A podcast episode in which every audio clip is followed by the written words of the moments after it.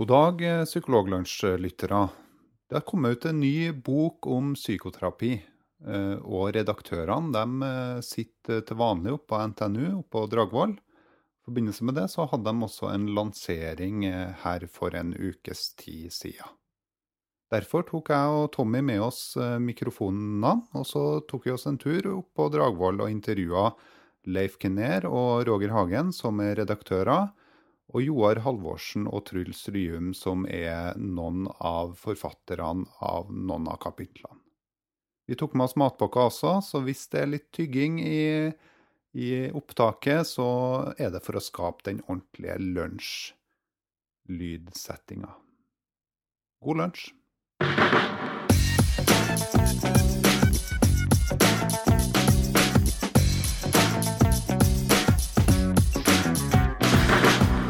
Du hører på Psykologlunsj, populærvitenskapelig lunsjprat med psykologene Tommy, Jonas og Jan Ole.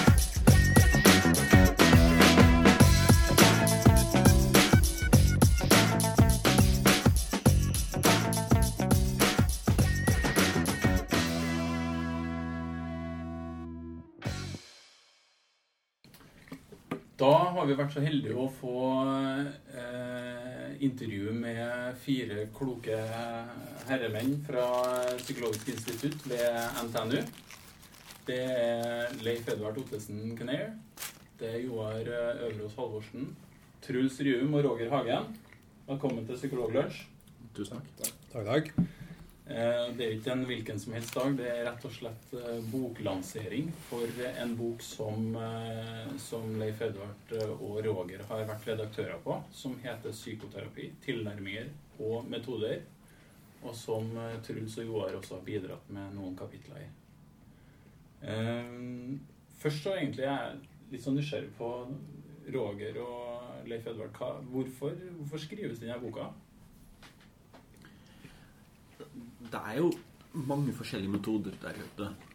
Og det er mye kamp i klinikken om hva som er det rette, og hva man burde gjøre. Og mange sier at man må kunne mer og ha flere verktøy i verktøykassa.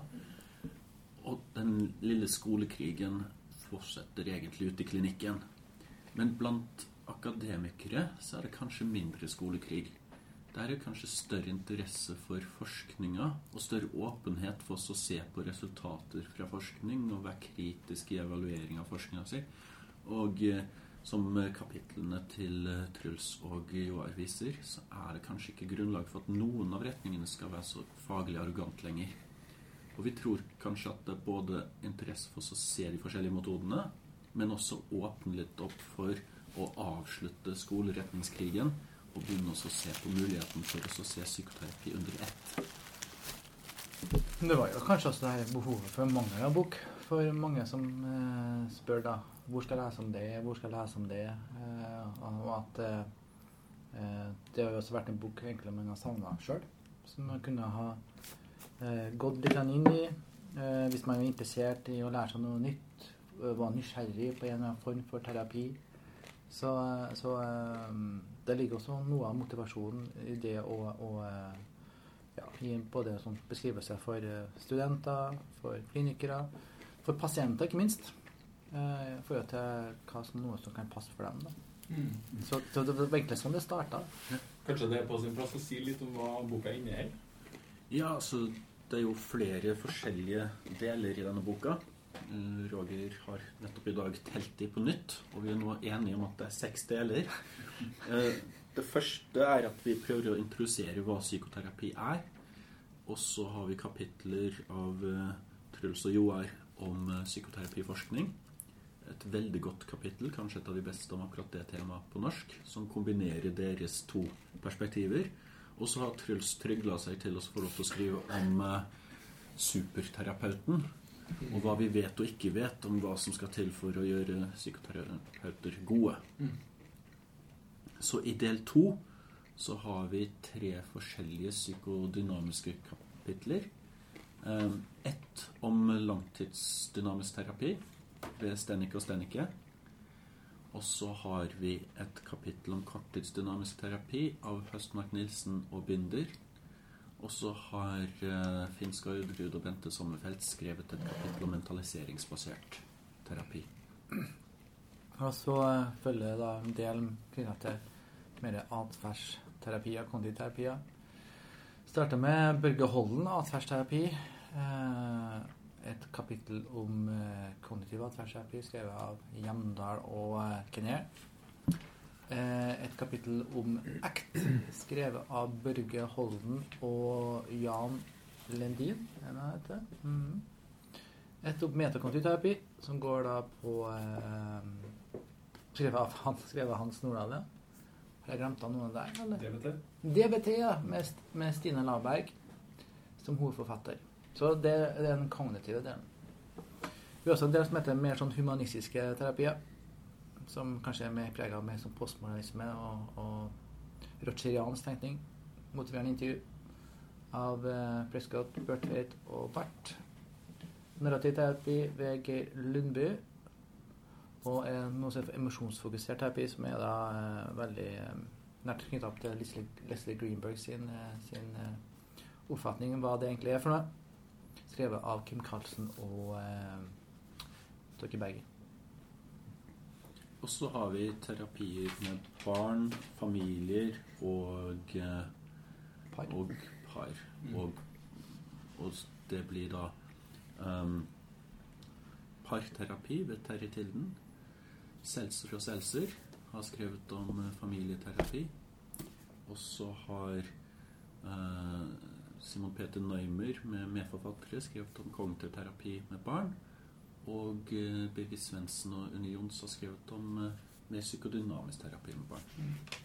Og til slutt så blir det avslutta med mer sånn gruppeperspektivet, hvor at eh, Slutter og Bakali har skrevet om dynamisk gruppeterapi, og jeg sjøl har skrevet et kapittel om kognitiv gruppeterapi. Så det er alle kapitlene i boka. Det er jo en uh, samling med mye store navn. Uh, var det vanskelig å finne ut hvem det var som skulle være med i de ulike delene? Vi har vel kanskje bare ett nei, Ja. så vidt jeg kan huske nå i ettertid. Ja. Et nei, så hovedsakelig så fikk vi tak i akkurat de vi ønsket å få tak i eh, til de kapitlene vi ville ha. Og jeg tror det er litt viktig for denne boka, f.eks. integriteten på det psykodynamiske, gitt at jeg og Roger er ofte identifisert som eh, kognitiv atferdsorientert. Eh, Så er det utrolig viktig at de som skriver de psykodynamiske kapitlene, både føler at de er blitt ivaretatt som, eh, som forfattere og terapeutformidlere, eh, og at det temaet er skrevet av gode og store navn. Så jeg tror at det er helt avgjørende for bokas integritet. Mm. Det var jo sånn når vi satte opp en idé i forhold til hvilke kapitler som vi skulle ha. Altså vi satte en ønskeliste bak. I forhold til dem her ønsker vi gjerne. Mm. Og, og, og vi fikk jo alle sammen. Mm. Mm. Og det ble vi veldig glad for. Så det er jo flinke, flinke norske terapeuter, og ikke minst også norske forskere, syns vi, som, Ja. som, som, eh, som har skrevet det. Dere har jo ramsa opp en hel rekke med sånne terapiretninger og navn på det nå. Eh, og Du sa litt om det i dag, Leif. Altså, hva er egentlig hva er psykoterapi? Vet vi hva det er? Er vi enige om hva det er? Nei, altså det er det som er problemet. Psykoterapi br- brukes f.eks. som synonym til psykodynamisk terapi versus annen type terapi. Uh, I noen tilfeller så er det sånn at uh, psykoterapi nesten kan være et, et sånn lavstatusord. Altså bare psykoterapi. Men det som er så fascinerende, er at det er jo dekker mer enn til og med samtalebehandlingsbegrepet gjør. Fordi i noen former for psykoterapi, f.eks.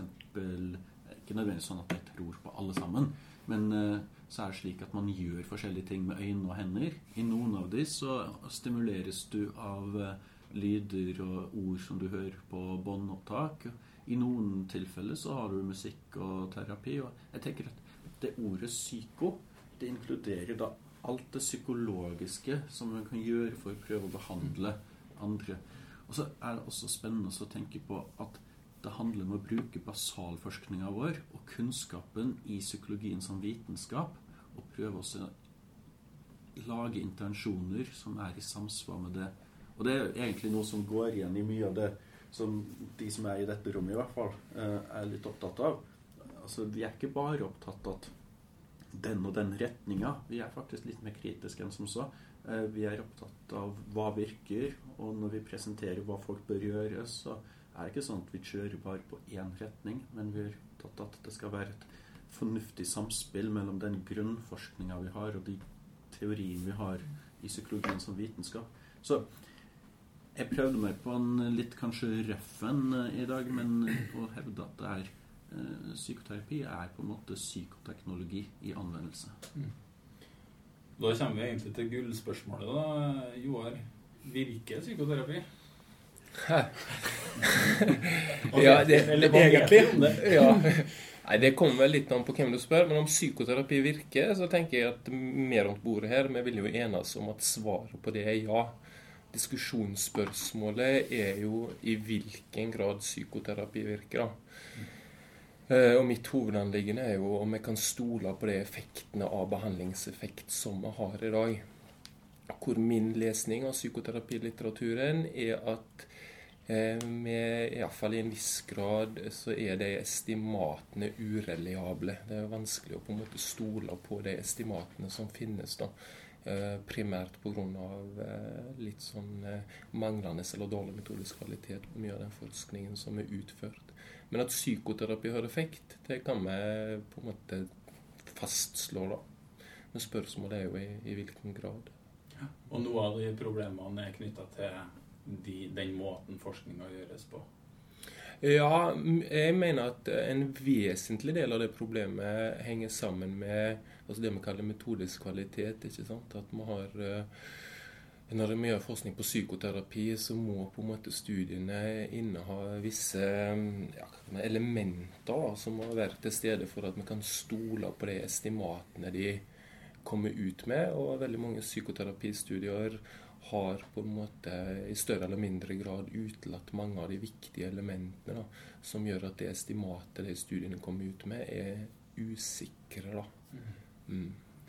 Så vi, vi, mener at uh, psykoterapi virker. Litt usikker på hvorfor det virker i mange tilfeller. Men så er det også sånn at uh, det ser ut som at uh, det er noen terapeuter som lykkes bedre enn andre terapeuter. Sånn at det er ikke bare terapimetode som er viktig her.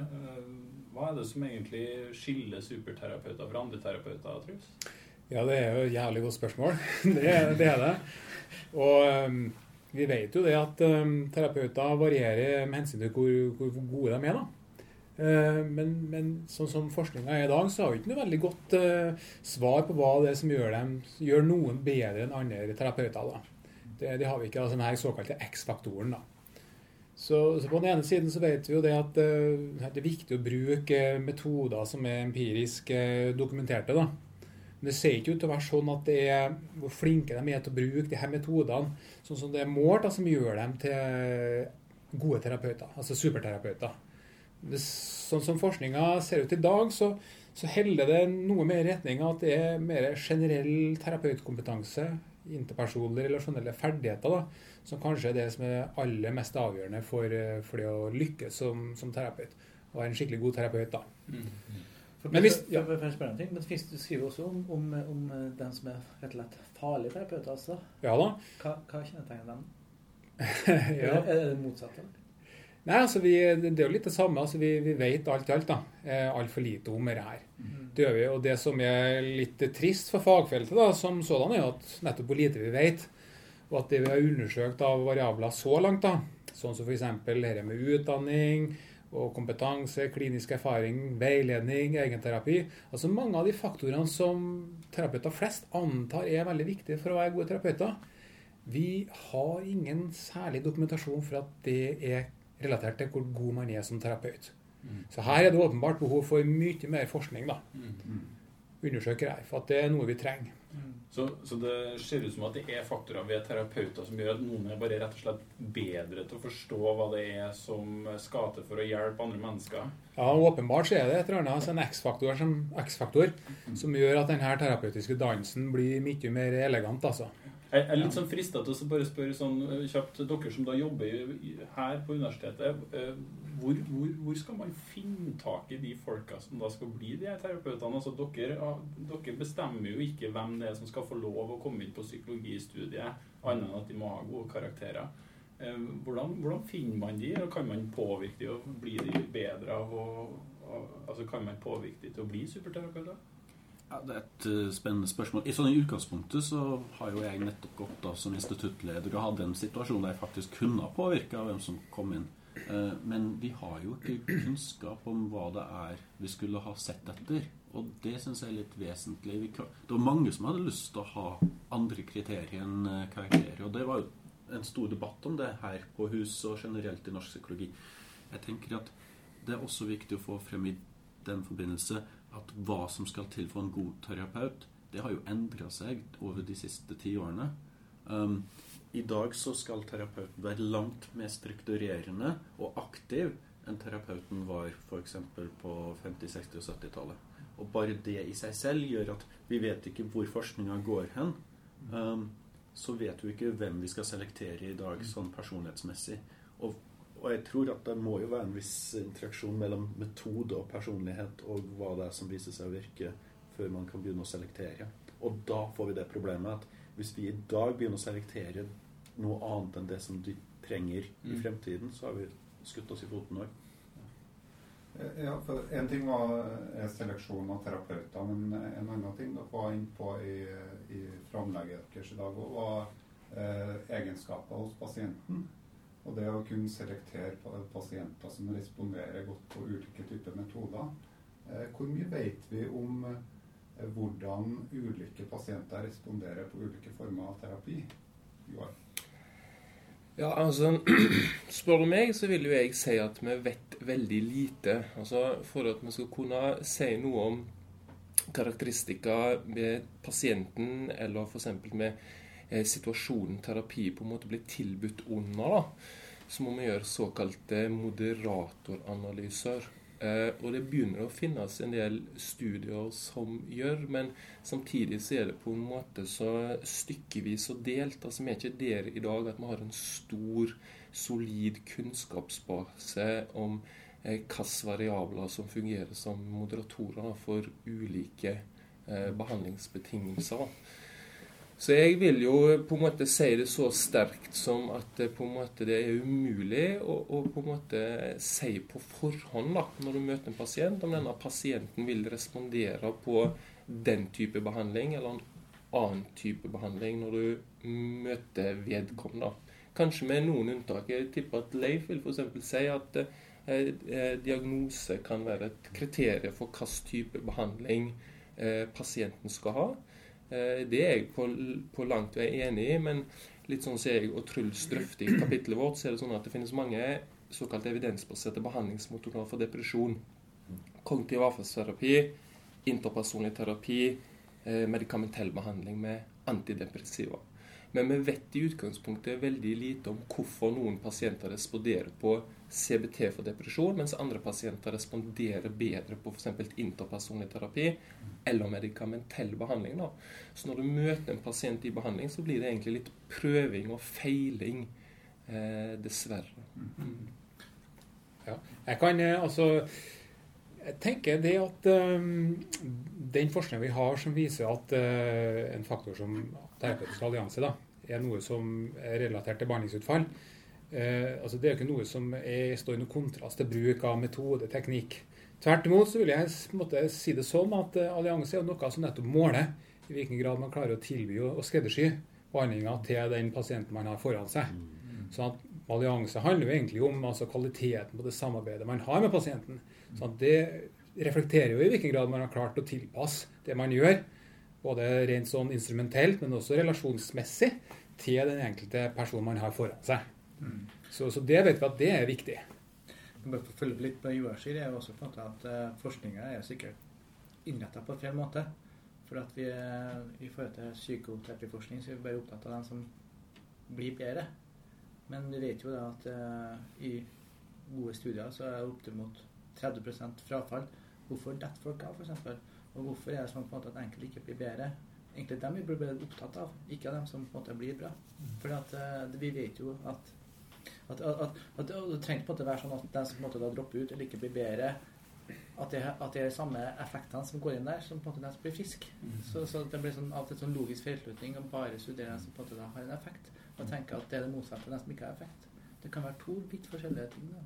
Og kan man gjøre det enda mer komplisert ved å inkludere de som, en gang, som aldri engang tar kontakt? Altså som ikke vet eh, strever med noe? For eh, de kommer jo aldri med i de studiene. Eller? Nei, mye ikke. Nei, mye ikke. Eh, Jeg har litt sånn, intre, sånn, litt sånn av egeninteresse eh, møtt altså Hvis vi tar historisk, da. Møtt Beck og Ellis, den samme pasienten som vi møter i dag. Så tenker, tenker Det, det er faktisk kjempespennende. I vårt prosjekt nå på depresjon så er det sånn at eh, vi har hatt diskusjoner. Er disse pasientene deprimert på samme måte som eh, de som vi møtte for 15 år siden? Og jeg er av den oppfatning at de er mer misfornøyd med hva de får til, enn de er misfornøyd med seg selv. Før så deprimerte pasienter utrolig selvkritiske. Nå er det som at de eksternaliserer kritikken i langt større grad til andre forhold. Eller, altså Det er en slags misnøye mer enn en selvnedrykking. Og så er det sånn at folk har en tendens til å hevde at det er en økning av psykisk lidelse i befolkninga. Men vi har jo ingen studier som har brukt samme befolkning. Og i stor grad over de siste 100 årene hva skulle samme befolkning vært? Og ikke har man brukt samme diagnostiske kriterier. Så jeg tenker at det er to forskjellige nivåer der. En at vi mangler epidemiologisk undersøkelse til å besvare det. En annen ting er faktisk den opplevelsen som jeg har av depresjonspasienter nå i forhold til det de var for eh, 15-20 år siden. Og det er kanskje sånn at noen av disse nå blir behandlet forholdsvis godt på legekontorer. At det som spesialisthelsevesenet ser, er en litt annen uh, kategori. Og da litt av oppfølginga eh, vil ikke da påvirke også de eh, terapeutegenskapene som, eh, som kreves for å oppnå en god behandling. Eh, altså at eh, kanskje det var en andre forutsetninger for å være en god terapeut på Beck og Ellis i en storhetstid. da. Jo, men, men det er jo akkurat det jeg sier. Altså, når psykodynamiske metoder eller humanistiske metoder dominerte i svær grad hva som ble gitt av eh, terapi i Norge, så var det veldig annerledes personlighetstrekk man ser etter. Når korttidsdynamisk mentalisering tar over i større grad, eller kognitiv terapi, MCT, tar over i større grad, så vil det jo være langt mer aktive, strukturerende terapeuter man ser etter. Men som dere sier, er pasientene de samme? I nesten alle andre deler av psykologisk forskning så driver man med tverrkulturell forskning. I klinisk eh, forskning så ser det ut som at vi tar for gitt at en depresjon er en depresjon samme hvor i tid og hvor i geografi vedkommende er deprimert. Det ville vi ikke våget å ta for gitt, f.eks. hvis det gjaldt seksuell atferd, som jeg kjenner jo litt til. Ja, nei, altså Jeg kan følge opp litt eh, på det der, da, fordi at um, selv, om, eh, selv om vi har noe forskning da, som viser det at altså, det er noe generell terapeutkompetanse som gjør at vi varierer oss imellom hensyn til hvor gode vi er som terapeuter, så er det også sånn at altså, det ser ikke ut til å være sånn at denne kompetansen nødvendigvis er generell i forhold til alle typer lidelser. da. Det, har, det er noen store studier som viser nettopp det at man kan være, ganske, man kan være helt uh, blant de topp topp, topp terapeutene da, i forhold til å behandle pasienter med depresjon, f.eks. Og så kan man være altså, i bunnsjiktet da, når det gjelder behandling av, av rus. Så dette her handler jo om også å finne ut uh, hva slags type problemer er det man mestrer. da. Altså man må, Vi varierer oss imellom liksom, på, veldig mange parametere. Og vi må forsøke å finne ut, altså dyrke fram våre styrker og ressurser som vi har, da, på best mulig måte. Altså sagt på en annen måte, Vi må finne ut hvilke pasienter er det vi lykkes best med. Og så dyrke fram det enda mer. Og så finne ut hva det, vi kanskje ikke mestrer så godt. da. Det, det er nok viktig. Så vi må litt bort også fra denne type generalisttenkning, da, mener jeg. da. Det, det er sånn jeg leser forskningen. Altså Vi må være mer spesialisert. Ja, men det er jo også litt problem da, i forhold til oppbygging av spesialist eh. At alle sammen skal være generalister. Og kanskje at man burde i større grad ha samla folk som har hatt samme interesse og, og var kompetent på en ting, og gjort kanskje da behandlinga bedre for enkelte pasienter. Sånn som jeg opplever vårt fagfelt, da, så, så er det en, vi, vi trenger å gjøre en liten sånn men- men- mentalitetsendring, tror jeg. da. Fordi at, eh, i hvert fall Hvis vi ser på det over det lange perspektiv, så har det vært en tendens til å tenke som så at når ting ikke fungerer i terapi, så er det pasientens feil. feil altså det er pasienten som er problemet. Pasienten er ikke motivert godt nok. Pasienten har de og de diagnosene. Sånn jeg, jeg, jeg tenker at vi trenger, trenger en sånn mentalitetsendring på det. At vi må heller se på hva, hva er terapeutens bidrag her. da. Og er det sånn at denne type problem er noe som terapeuten føler han mestrer eller ikke?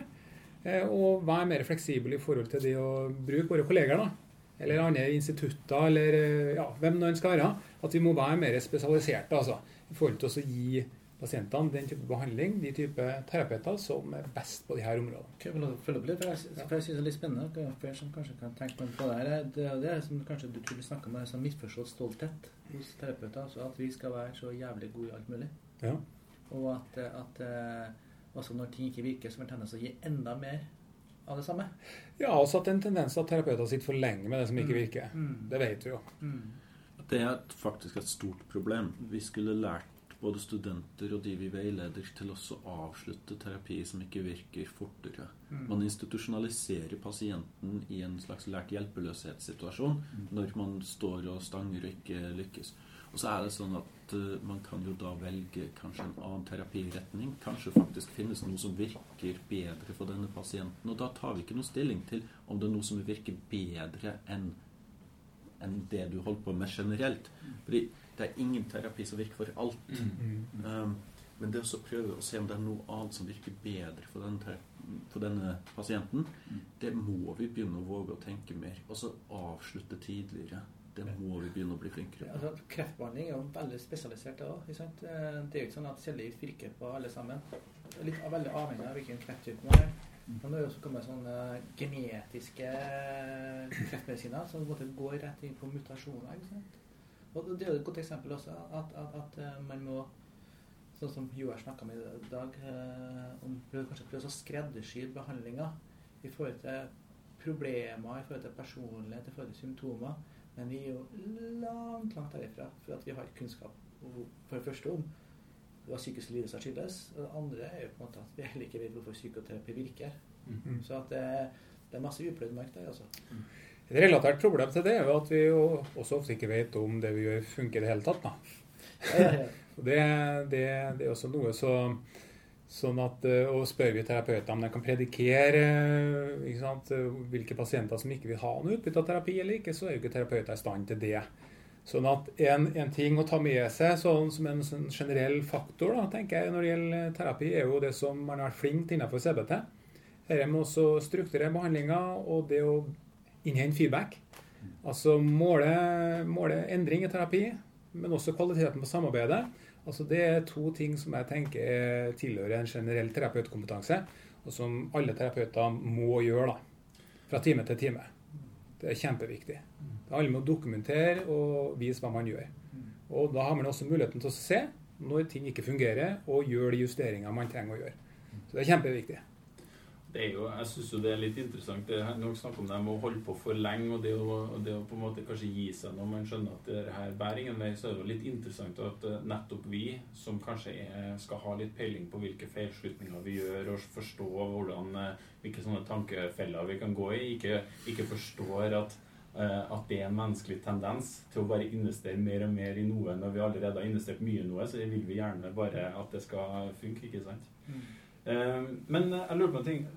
Du Joar, du sa noe i et foredrag i dag som jeg ble sittende og tenke litt på. For du, du sa noe om at det her med, det her med Vi har, har vært kjent med at allianse, altså hvor god den terapeutiske alliansen i starten av terapien er, er med og, og, og å kan si noe om hvor god effekt terapien har ved avslutning. Det har vært en sånn kjensgjerning. Og så sier du at er vi helt sikre på det, og at det er kanskje noe som tyder på at eh, ved depresjonsbehandling så kan det at, at pasienten får rask symptomlette i de første timene, altså helt i starten, kan kanskje være med å gjøre at alliansen virker bedre. Altså at, at pasienten vurderer alliansen bedre, som er med å, å gjøre at, eh, at utfallet blir bedre til slutt.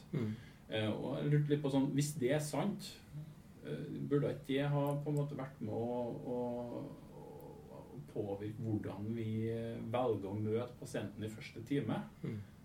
nå jobber jeg i psykisk helsevern og tenker vi mange klager litt over det skjemaveldet som man utsettes for i første time, hvor du, hvor du så vidt rekker å spørre litt hvordan du har det, men det er i hvert fall veldig mye vi skal gjøre i starten. Eh, altså, hvor, hvor lett er det for oss å tilpasse vår kliniske hverdag ut ifra det vi vet av det sparsomme vi vet da, av forskning? Om noen har noen kommentarer på det? Altså akkurat I forhold til det med allianse, så kan jo jeg, håper jeg nærmest jeg og Truls diskutere det litt. Men altså det, der er jo på en måte, det finnes det på en måte veldig mange lag, da, tenker jeg, i den forskningen. Og på en måte det øverste laget der er at sammenhengen mellom god allianse og utfall av terapi, den er primært korrelasjonell. Så vi vet at det er en samvariasjon mellom god allianse og utfall av terapi. Det er ikke gitt at det er et årsaks-virkningsforhold. Og Så finnes det noen studier, primært kognitiv terapi for depresjon, som kontrollerer for det vi kaller tidlig symptomlette, og som finner at tidlig symptomlette, tidlig i behandlingen, det fører til bedre allianse, som så igjen er korrelert med bedre utfall på slutten av terapien. Men det finnes òg den type studier på mer psykodynamisk orientert terapi, som finner at symptomlette ikke nødvendigvis predikerer. Sant? altså bedre allianser. Så dette kan òg på en måte variere på tvers av behandlingstilnærminger. da. Så det kan tenkes at allianse er viktigere i noen former for eh, eh, behandlingstilnærminger, mens eh, ikke mindre viktig i andre. Så det er jo det som har snakket om det med å skille allianse som metode. Er det hele tatt mulig? Da, ikke sant? Men at ikke nødvendigvis alliansen har en, eh, en kausal effekt eller et årsak-virkningsforhold. På utfall f.eks. med depresjon. Og Det finnes jo for et veldig interessant studium fra Modum Bad som har sett på, eh, altså på en måte, eh, virkningsmekanismer i behandling av sosial fobi. Og Da har de målt eh, kog kognisjoner som er, er antatt relatert opprettholdende for sosial fobi for hver time, og allianse for hver time. Og Der finner de jo ut at det er på en måte endring i kognisjonen. da, som fører til symptomlette. Ikke alliansen. ikke sant? Men du må gjerne ha alliansen på plass, f.eks. For, for å få pasienten involvert i alle de terapeutiske oppgavene som skal til sant? for å endre eh, kognisjoner relatert til sosial fobi. da, f.eks. Bare en kommentar til det. for Det som er også litt sånn viktig, og kanskje en litt sånn misforståelse, er jo at allianse er bare snakk med relasjon. Men eh, hvis vi går tilbake til Bourdin, som kanskje er den beste definisjonen på allianse, så snakker han jo om, om, om, mål for terapi. Og da metoder og, og, og, og uh, tilnærminger for å nå de målene. Så da blir det jo egentlig sånn at, at du må jo da ha, også ha en idé for hvordan du skal nå frem dit du ønsker å være. Og Det holder ikke bare med å være en kompis eller en venn. Det, det må være mer enn det, tenker jeg. Mm. Og det er kanskje det som en misforståelse i forhold til alliansebegrepet, at det settes likhet mellom relasjon. Men det er også det som man finner i all psykoterapiforskning. Strukturerte behandlinger har nærmest tilnærmet lik effekt. da. Mm. Det er et viktig spørsmål det her, altså med de, de første timene. Ja, for vi vet jo det at det er sånn, skal vi si, altså, mulighetens vindu. da, de første timene. ikke sant, mm. Så, så hva man enn gjør, så er det et vindu som, som ikke varer så lenge. Sånn at det, altså I løpet av de første timene så vil det enten være en klaff mm. eller, eller ikke mellom terapeut og pasient. Sånn at eh, ja, det, det vi påhviler terapeuten et veldig ansvar. da, Og også å bruke den tida på best mulig måte. Da må man jo nesten våge å stille det spørsmålet som du gjorde. Er det da lurt å benytte det terapeutiske vinduet til å fylle ut skjemaer?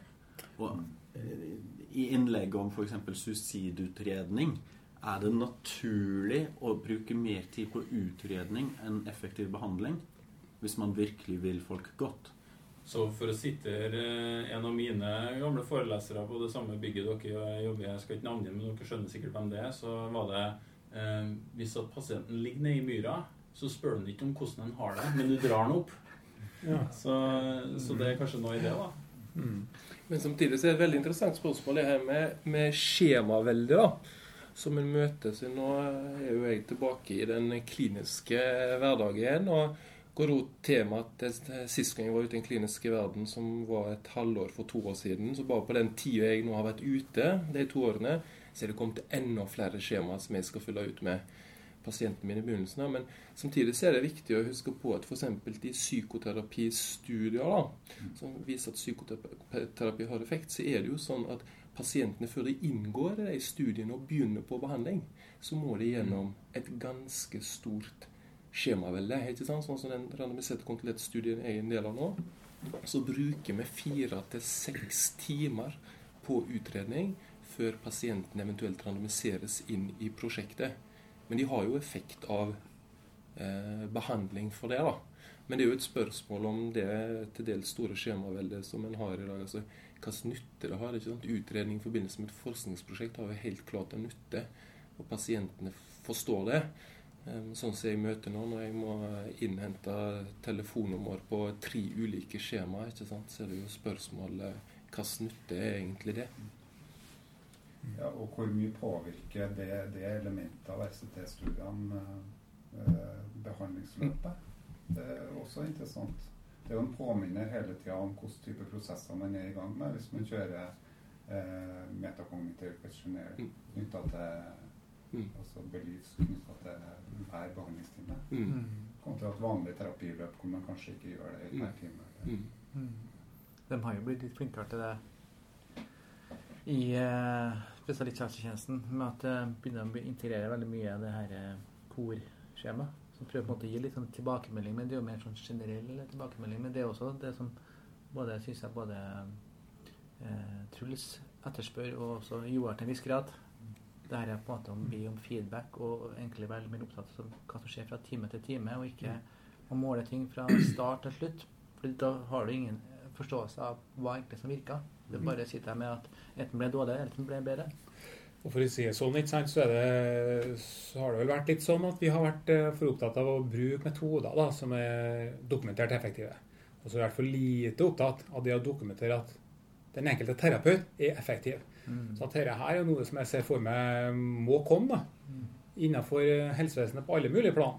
Nettopp dette at hver enkelt terapeut altså har mål på sin effektstørrelse.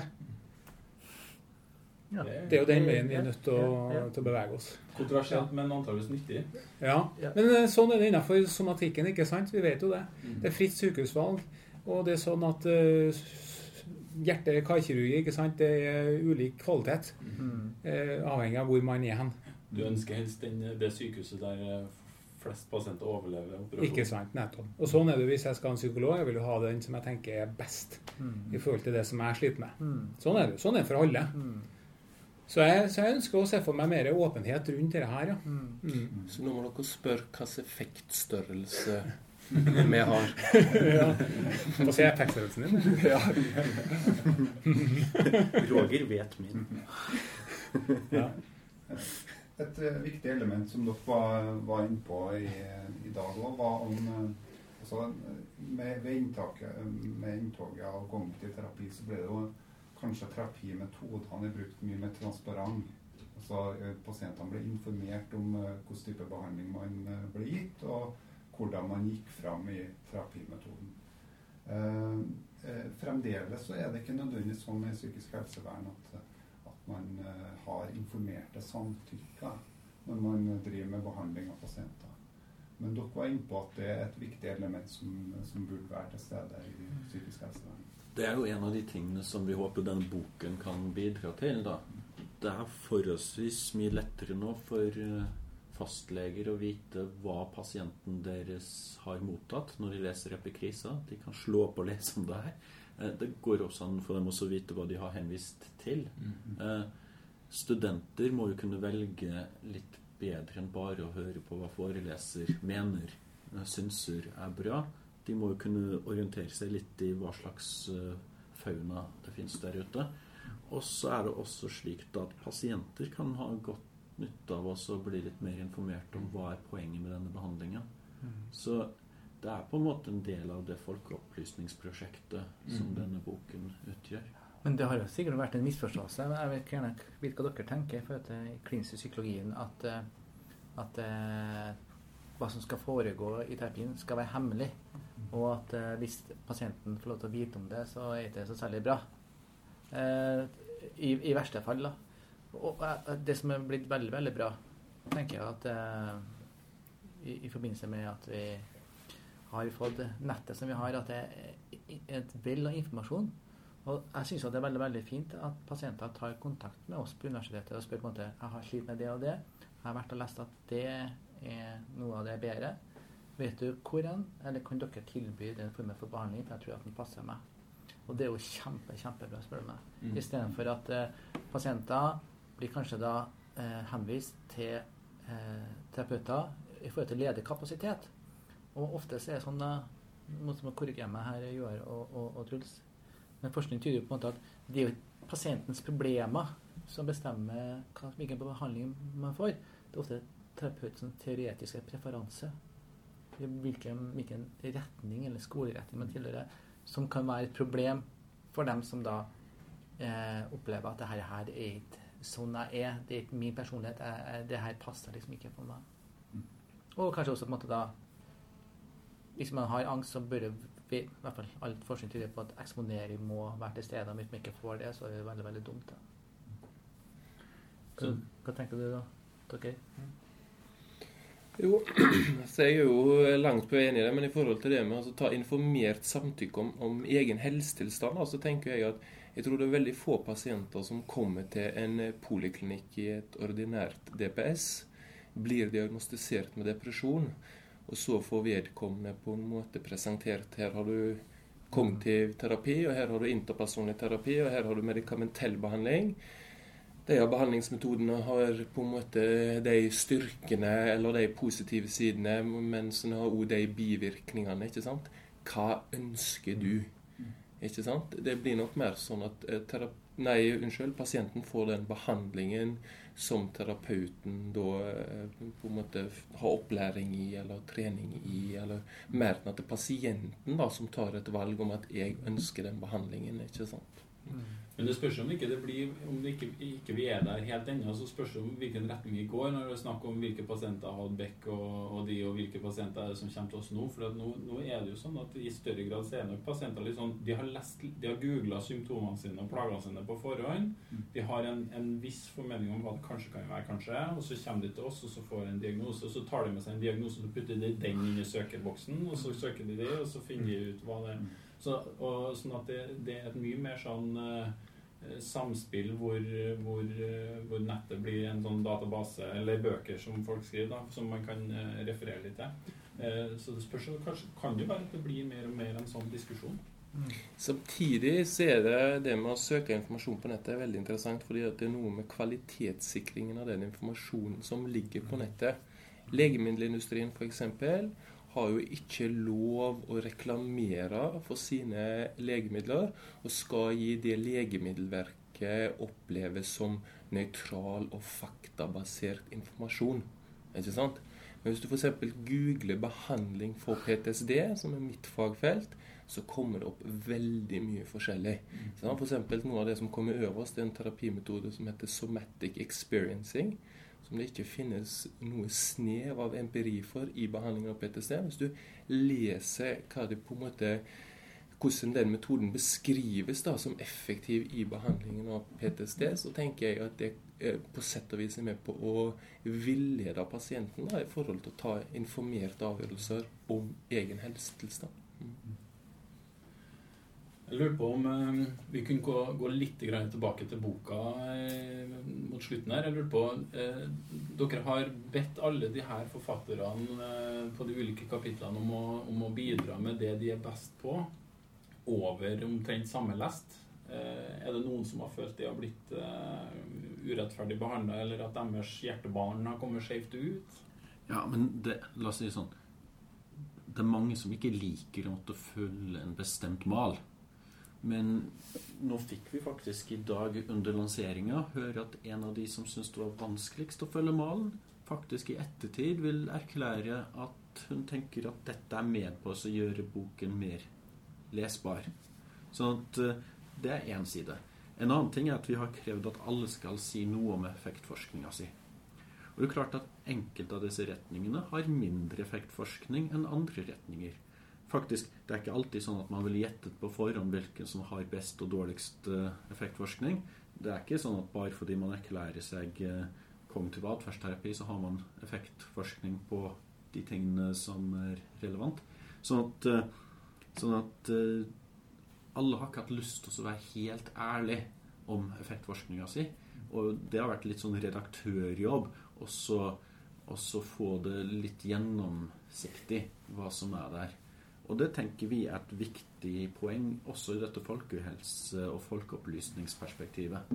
Sånn at eh, det har vært en liten kilde til eh, frustrasjon. Og så er det sånn at lengden på kapitlet har vi også regulert. Det skulle ikke vare for lenge.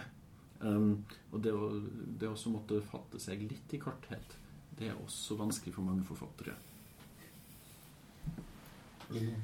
Nei, jeg har ikke noe annet å si. Eh, det som kanskje en oppfølging av det som eh, Liv snakker om.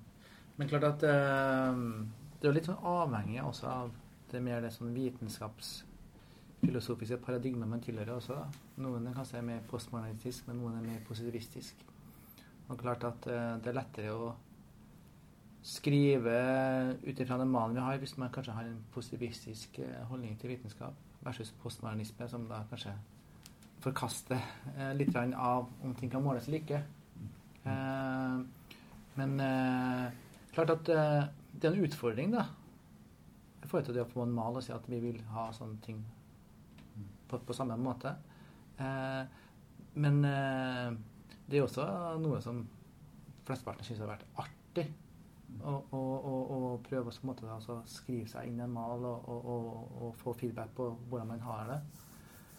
Eh, så at eh, flesteparten syns jo at, at, det har ført til at det må bli mye mer konkret og mye mer spesifikt og mye mer beskrivende, så faktisk får frem mye mer det som beskriver terapien, enn det som kanskje ville gjort hvis man har fått 15 000 ord og ingen mal i forhold til mm. akkurat det.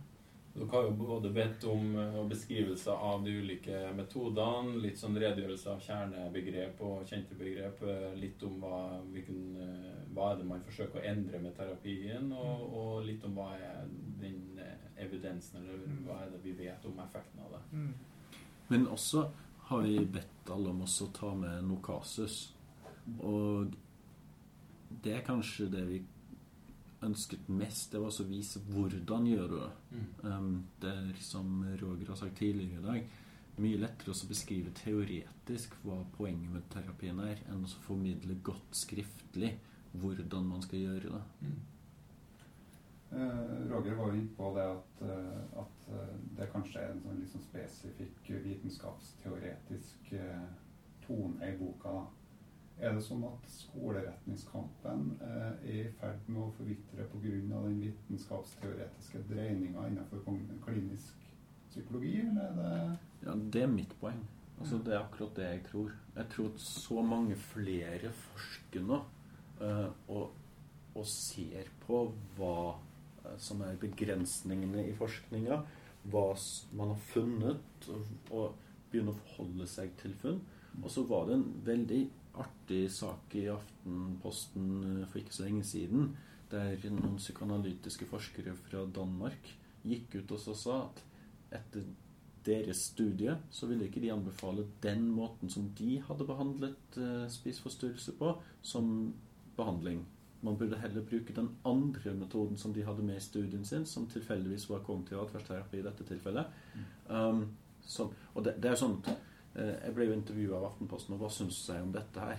Og da satt jeg akkurat i ferdigstillingen av det her eh, manuskriptet og tenkte at det her er egentlig en trend i tiden. Eh, det er ikke vondt for oss å si at den andre leiren har noen seire.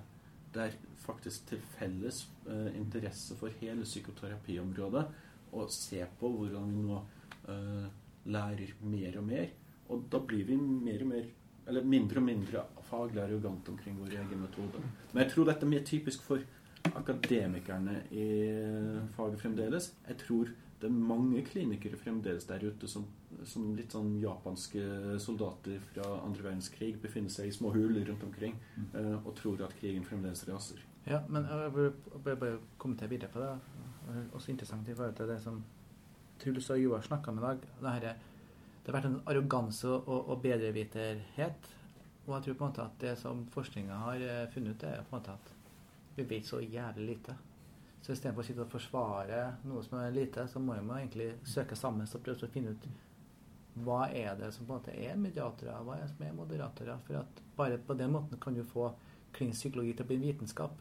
Og vi er fortsatt et stykke der til vi kan kalle det en vitenskap. Vi har vitenskapelige tilnærminger, vi bruker vitenskapelige metoder, men fortsatt eh, lang vei til å kalle det vitenskap, altså, syns jeg. Ja. Eh, vet ikke om jeg deler helt eh, Leif sin beskrivelse av eh, forskningsfeltet, da, men eh, eh, det, det, det er veldig avhengig av hvem du spør, selvfølgelig. Eh, men det som jo i hvert fall er sikkert, da, er jo at fremdeles er det sånn at det meste av effektforskning er jo de her analyserte, kontrollerte studiene som tester ut eh, altså ulike metoder da, opp imot enten venteliste, placebo eller en annen behandling. Sånn at eh, sånn som jeg ser fagfeltet, da, så er nok ikke de her ideologiske og politiske kampene riktig døde ennå. da. Men det avhenger av du, hvor du ser hen, og hvem du spør. Men, men jeg vil jo si at eh, sånn personlig så hadde jeg gjerne sett at de ICT-studiene hadde blitt lagt døde. Fordi at sånn i det store bildet så kan vi si det at terapi funker. Og de viktige spørsmålene er de her sant, mediatorene. Hvordan, eh, hvem er dem, og hvordan skal, kan vi identifisere dem? Men du må se effekt før du kan vurdere mediator. Vi vet at det funker. Aha. Ah. Men vi har jo også åpnet for andre vitenskapsteoretiske syn i denne boken også. Og det er verdt å nevne at både familieterapikapitlet eh, og eh, narrativkapitlet og parterapikapitlet beskriver andre vitenskapsteoretiske tilnærminger. Eh, det bør også sies at eh, fremdeles er slik at noen av de dynamiske terapiene, og f.eks. atferdsterapi, begge de to retningene vil helst kunne beskrive problemet på egne premisser og er mer um, diagnoseskeptiske. Sånn at uh, det, det er en variasjon og en bredde fremdeles der. Men jeg vil fremdeles si at blant forskerne eh, i Norge så tror jeg at boken for så vidt bidrar til å dempe ned noen av eh, motsetningene og øker muligheten vår for oss å samtale om disse viktige tingene. Men jeg tror at det Truls eh, tar opp, og som Leif er inne på, er, er, er, veldig relevant. da, fordi at vi har noen utfordringer i forhold til å på en måte enes om hva som er god metodikk for å studere de fenomenene vi står overfor. Da. Og når vi på en måte ikke greier å enes om hva som er god metodikk for å studere et fenomen, altså det jeg tenker det er på en måte mm, første steg i trappa opp mot mer kunnskap, da, at vi greier å enes om hvilke metoder vi skal bruke. Så jeg tenker at faktisk er det sånn innenfor klinisk psykologi at vi har en ganske lang vei å gå i forhold til forskningsmetodeutvikling. Ikke sant? Hvor f.eks. Truls sier at det er på tide å legge RCT-forskningen død. Det er jeg eh, veldig uenig i, ikke sant? Eh, og Truls vil jo f.eks. fremheve at ca. 8-10% av utfall i terapi skyldes varianser mellom terapeuter. Eh, og det er jeg ikke nødvendigvis uenig i, da, men jeg er kanskje mer skeptisk til det. fordi at jeg mener at det, så lenge det ikke finnes en konsensus om hvordan vi skal studere terapeuteffektene, da, og noen studier finner terapeuteffekter, andre studier finner det ikke, så har vi på en måte eh, noen grunnlagsproblemer. Da. Så et første steg er på en måte enes om hva er god forskningsmetodikk for å studere det fenomenet her. Og der er vi vel kanskje ikke helt ennå, da. Bare en liten kommentar. Så, til at, uh, enig, enig her er en vanskelig diskusjon, da, men, men det som vi i hvert fall trenger, da, sånn som jeg ser det, er at vi klarer også å identifisere mye mer spesifikke komponenter i de her behandlingspakkene som vi gir, som vi kan vise altså, er relatert til effekten av det vi gjør. Altså, det må være mye mer spesifikt. For at det er sånn vi kan lære opp og trene opp terapeutene til å gjøre det her på skikkelig god måte. Så det, ja. Og det er jeg helt enig i, men da mener jeg at RCT-designet er det beste for å gjennomføre nettopp den forskningen som Truls etterspør. Ja, absolutt. Det ble litt sånn politisk kvarter. på- Men eh, helt til slutt, hvem er det som eh, har nytte av å kjøpe boka? Nei, alle sammen, tenker jeg. Uh, uh, Under juletreet med den. Nei, ja, nei, jeg tenker jo eh, Du, Tommy, kan jo lese den for å se på en måte hva du kan, og hva du ikke kan. Det skal jeg Og, og du, Jonas, også. Det skal jeg- Eh, klinikere, for deg som kanskje da tenker at eh, har eh, hørt litt om ACT, men jeg vet ikke helt hva det går på. Eh, studenter som kan gi deg en sånn innføring i forhold til, til hva det finnes av metoder, og hva som passer for dem. For Det syns jeg også er veldig viktig, det som Truls hele tida påpeker, og som alle må glemme. at du skal ikke se bort ifra at, at det, er et- ikke se bort ifra at det er jo sånn at man velger terapiretning veldig avhengig av sin egen personlighet. Det syns jeg man skal gjøre, for jeg tror på en måte gjør at man blir bedre terapeuter også. Mm. Og selvfølgelig for også da dem som plages og ønsker på en måte å finne noe som passer for dem. Da kan det være noe som man kan prøve også å se og tenke at her, her, her, her var passende for meg. Mm. Og så helsevesenet. Det er eh, veldig mange som henviser pasienter og ikke vet hva pasienten deres har blitt gitt. Mm. Jeg tror for få allmennleger vet godt nok hva pasienten deres mottar, eller har mottatt.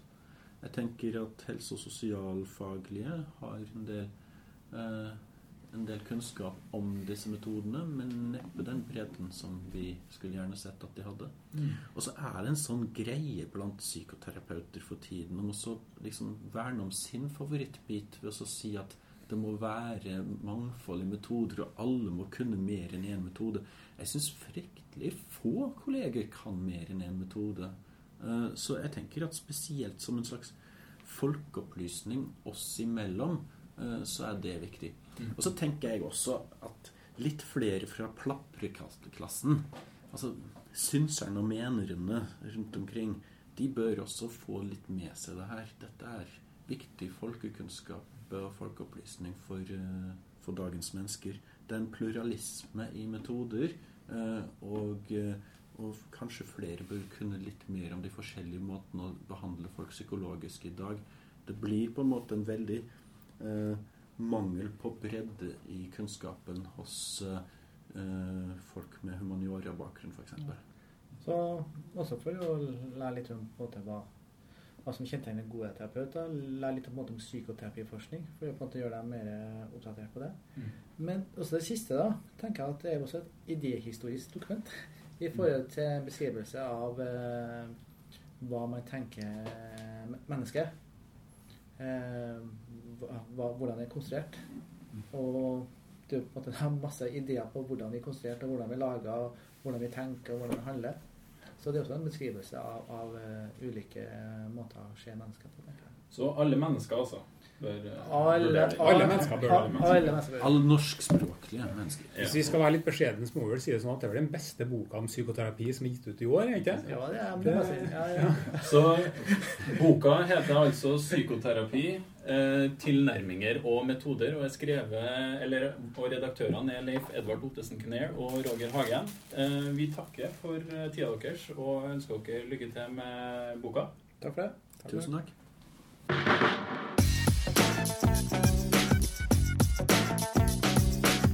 Du har nå lytta til Psykologlunsj. Har du noen spørsmål, kan du søke opp Psykologlunsj på Twitter, eller du kan sende en e-post til psykologlunsj alfakrøll gmail.com.